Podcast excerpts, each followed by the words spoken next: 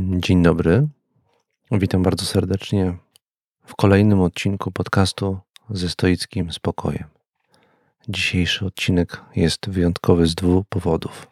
Po pierwsze, dlatego, że jest to kolejny odcinek z serii podcastów poświęconych aktualnej sytuacji w Polsce i na świecie. Sytuacji związanej z pandemią koronawirusa. Po drugie, dlatego, że dzisiejszy odcinek jest przeze mnie nagrany w związku ze świętami Wielkiej Nocy, na które w warunkach pandemii wszyscy się szykujemy. I z tej okazji po stoicku chciałbym nie tylko złożyć życzenia, ale także skomentować symbolikę, uniwersalną symbolikę tych świąt w duchu filozoficznym, stoickim, tak aby nam wszystkim przynieść pewnego rodzaju metafizyczne pocieszenie. Bardzo serdecznie zapraszam do wysłuchania dzisiejszego odcinka.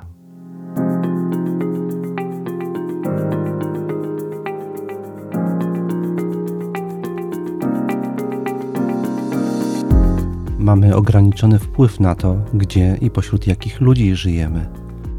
Nie my decydujemy, co nam się codziennie przydarza od nas jednak zależy, jak to przyjmujemy i jakimi stajemy się ludźmi. Nazywam się Tomasz Mazur, jestem współczesnym praktykującym stoikiem i zapraszam do wysłuchania mojego podcastu ze stoickim spokojem.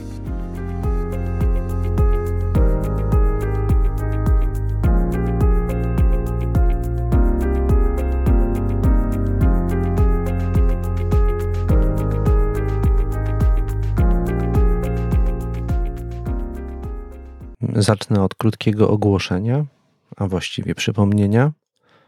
Niedawno, kilka dni temu, ogłosiłem w internecie, że poświęcę jeden z odcinków tego podcastu na udzielanie odpowiedzi od internautów, słuchaczy tego podcastu, którzy w związku z sytuacją, w jakiej się znaleźliśmy, sytuacją epidemii, mają różne pytania do filozofa i stoika i chcieliby usłyszeć odpowiedzi na te pytania, właśnie sformułowane w ramach osobnego odcinka.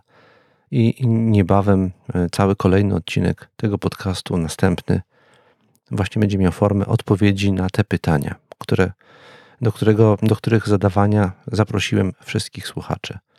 E, I z tego miejsca już teraz chciałem e, bardzo serdecznie podziękować wszystkim, którzy te pytania zaczęli mi słać już sobie je zapisuję i przygotowuję się do nagrania wspomnianego odcinka z, z odpowiedziami.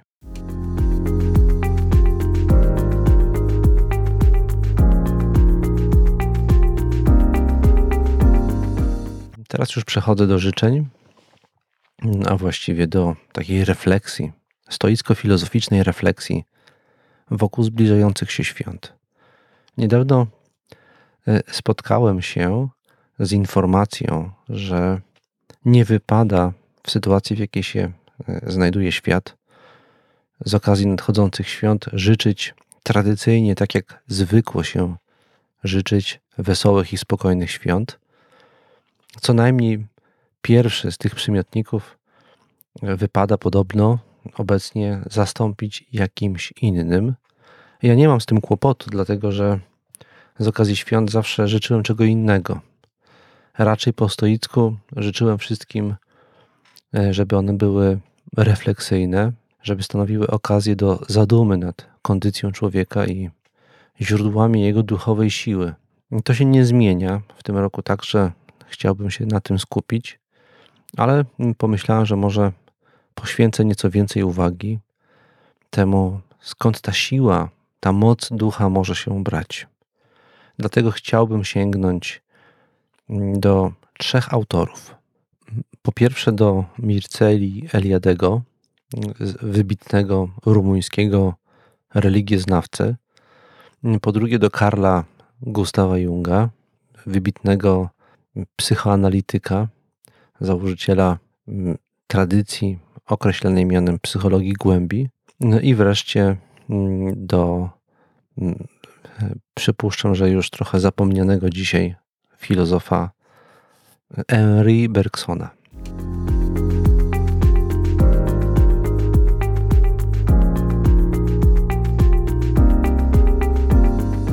Tych trzech myślicieli łączy jedna, co najmniej jedna wspólna cecha, mianowicie taka, że wszyscy oni uważali, iż religia jest czymś innym niż nam się na co dzień potocznie i dość powszechnie wydaje. Po pierwsze, zdaniem tych trzech myślicieli, religia nie jest po prostu zbiorem jakichś fantastycznych historii, opowieści, stworzonych po to, żeby ludziom nieść pocieszenie w trudnych sytuacjach. Nie jest więc religia zbiorem mitów, legend, baśni. Nie jest też e, religia w swej istocie różnorodna, w sensie takim, że mamy wiele różnych religii, różnie tłumaczących, kim jest człowiek, jaka jest jego kondycja, a człowiek współczesny, mm, znajdujący się w obliczu tych różnych wielkich narracji, musi dokonać jakiegoś wyboru. Zdaniem wszystkich tych trzech myślicieli, każda religia jest jedynie inną ekspresją uniwersalnej, metafizycznej prawdy na temat struktury rzeczywistości i kondycji człowieka. Mm, I o ile jest tak, że może nam się nie podobać któraś z tych narracji, razić nas w jakichś swoich baśniowych, powiedzmy, szczegółach, o tyle jej symbolika wyraża prawdę, której nikt, zdaniem tych myślicieli, żaden z nas nie może odrzucić, bo dotyczy nas bez względu na to, czy ją akceptujemy, czy nie. I tą prawdę mm, różne tradycje próbują zazwyczaj wyrazić za, za pomocą jakiegoś centralnego pojęcia. W religiach jest to pojęcie Boga. U Eliadego, na którego się tutaj powołałem, jest to pojęcie sakrum. U Karla Gustawa Junga, operujący kategorią archetypów, jest to archetyp pełni. Wreszcie y, u Henry Bergsona jest to pojęcie mocy, pędu pewnego życiowego, które w pewnym sensie rozsadza niemalże rzeczywistość, rzeczywistość od wewnątrz, y, a który to pęd określał on w swojej filozofii mianem l'en vital. I ta ukryta rzeczywistość, na różne sposoby wyrażana, która w ujęciu jednego ze współczesnych filozofów religii, y, Pierre'a Dupré, mm, określana jest mianem po prostu innego wymiaru, wymiaru, który temu potocznemu, codziennemu wymiarowi nadaje sens i strukturę. Ta rzeczywistość zawsze funkcjonuje w konfrontacji do czegoś.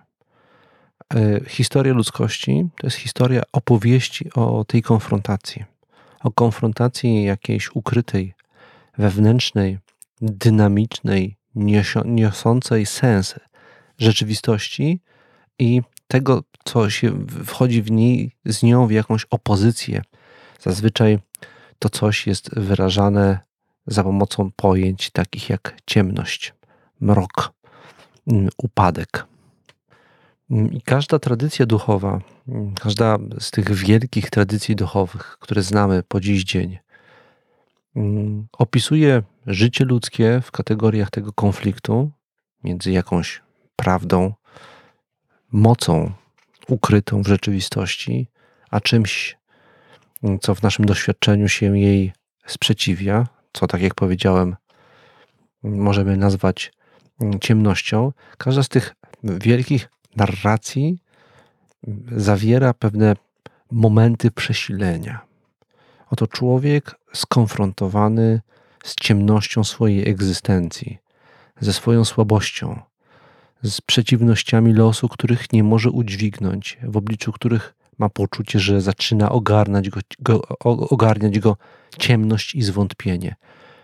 Oto człowiek, który upada pod naporem przeciwności losu, znajduje nagle y, możliwość przezwyciężenia ich, albowiem e, można powiedzieć, ten ukryty wymiar w ten czy inny sposób wyciąga ku niemu dłoń.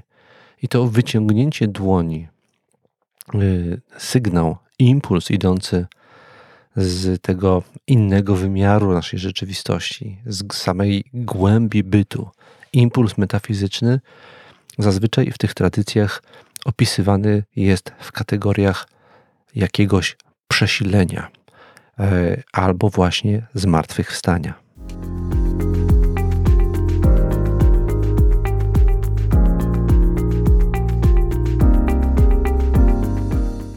W tradycji mm, chrześcijańskiej, najbliższej Polakom, mamy tę opowieść w wersji Zbawiciela, który przychodzi e, do ludzi nieść im e, dobrą nowinę i tenże Zbawiciel przez e, tychże ludzi zostaje ukrzyżowany, a następnie mm, umiera. I mm, w tej opowieści najgłębsze zwątpienie i ciemność, jaka może nas ogarnąć, styka się, spotyka z cudem, jakim jest zmartwychwstanie, co jest właśnie symbolem tej mm, ukrytej metafizyki, tej mocy bytu zdolnej przełamać e, nawet mm, największą ciemność, największy mrok i największe zwątpienie. I w każdej religii mamy takie historie, takie opowieści, tego rodzaju symbole, które odsyłają nas do tego, co właśnie zdaniem przytoczonych tu przeze mnie myślicieli obecny jest w strukturze rzeczywistości. Carl Gustav Jung, mówiąc o archetypie pełni, y, mówił o czy jaźni, y, mówił o, miał na myśli, y, używając tej kategorii pojęciowej, o pewnym, pewnej sile, która jest obecna w, naszej, obecna w naszej egzystencji, sile kierującej każdego człowieka, jeżeli umie się w nią wsłuchać, ku osobowemu, indywidualnemu spełnieniu. Jest to jednocześnie siła, która nas łączy wszystkich, bo wszyscy jej doświadczamy. I ta siła ma pewną właściwość y, niezwykłą, o której właśnie dzisiaj należy pamiętać. Ona się ujawnia w momentach kryzysu i przesilenia. Bardzo pięknie skomentował to, moim zdaniem, polski wybitny filozof Marian Zdziechowski. Prawdopodobnie jest już dzisiaj prawie całkiem zapomniany. W jednym ze swoich esejów pod tytułem Wyżej nadzieje nasze złożyć, esejów, e, które, które ma wydźwięk początkowo pesymistyczny. Marian Zdziechowski, który tworzył swoje teksty w dużym stopniu w dwudziestoleciu międzywojennym e, i który był filozofem, który jako pierwszy przepowiedział, przewidywał drugą wojnę światową e, i napór totalitaryzmów. On już na samym początku lat 30. widział, że to jest po prostu nieuchronne. No i właśnie ten filozof e, w tym eseju, w obliczu tej ciemności, która napiera, powiedział, że jedna opcja, jaka człowiekowi pozostaje, to sięgnąć głębiej albo wyżej w zależności od zastosowanej metaforyki. Stąd tytuł eseju Wyżej nadzieje nasze złożyć. W obliczu, w obliczu trwogi, pustki i ciemności, jaka nas otacza w naszej doczesności, w obliczu zwątpienia, człowiek posiada pewną umiejętność wejścia albo posiada pewnego rodzaju szczelinę w sobie, pęknięcie, które pozwala mu uchwycić pewną ukrytą dynamikę bytu. Ja teraz zrobię skok ku filozofii stoickiej, być może dla kogoś zaskakujący, ale ja zawsze widziałem w stoicyzmie potencjał, on tam był od zawsze obecny, na bardzo pogłębioną mistykę, na bardzo pogłębione doświadczenie mistyczne i czasami czytam w ten sposób Marka Aureliusza, nie jako cesarza, który znajdował w ćwiczeniach stoickich ukojenie w swoich codziennych zmaganiach, ale jako filozofa, który w pogłębionej refleksji filozoficznej przez szczelinę w naszym, naszej egzystencji sięgał ku samej strukturze egzystencji i w tej strukturze umiał się naprawdę porządnie osadzić. Stoicy tą strukturę, tą głębię egzystencji wyrażali za pomocą różnych pojęć, najczęściej za pomocą pojęcia logosu e, oraz pneumy. Mieli przez to na myśli chyba e, słowem najbliższym naszej współczesnej terminologii byłaby, byłoby pojęcie energii.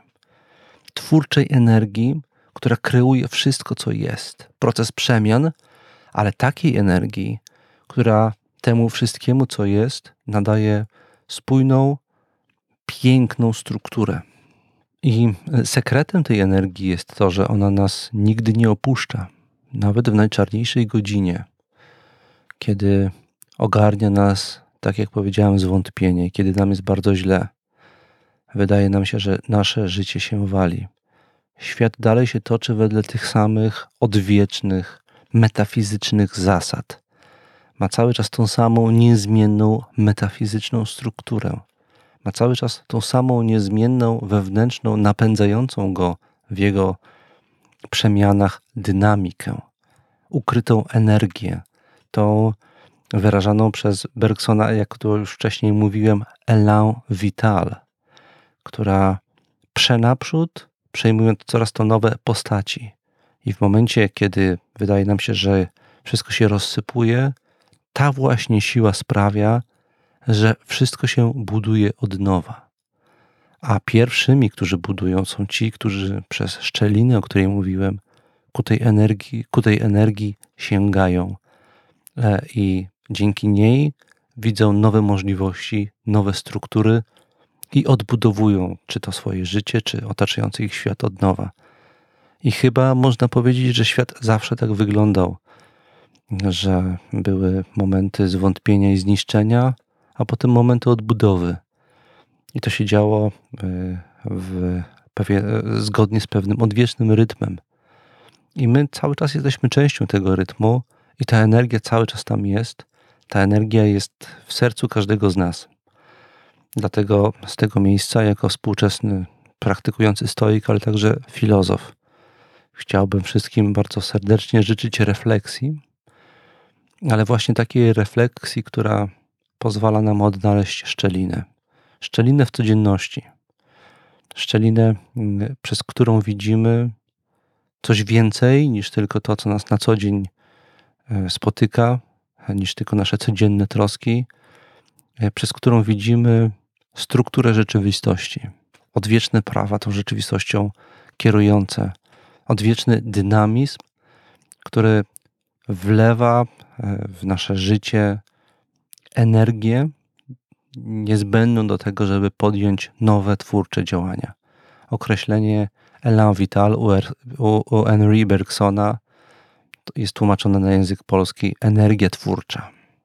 Ona właśnie zawsze taka jest. Kiedy jej doświadczamy, kiedy doświadczamy tego impulsu, mamy ochotę tworzyć. Tworzyć nowe, nowe struktury nadające sens naszemu życiu. Więc ja chciałbym życzyć i kontynuując te życzenia wszystkim słuchaczom tego podcastu, żeby właśnie te święta były momentem, czasem na poszukiwanie tego pęknięcia. Tego momentu, w którym zapominamy o tym, co nas niepokoi, co nas przytłacza e, i umiemy spojrzeć na całość z szerszej perspektywy. Takiej perspektywy, którą można po prostu nazwać kondycją człowieka i kondycją świata, czy strukturą egzystencji, gdzie widzimy całość i gdzie ta całość się układa w coś, co ma sens.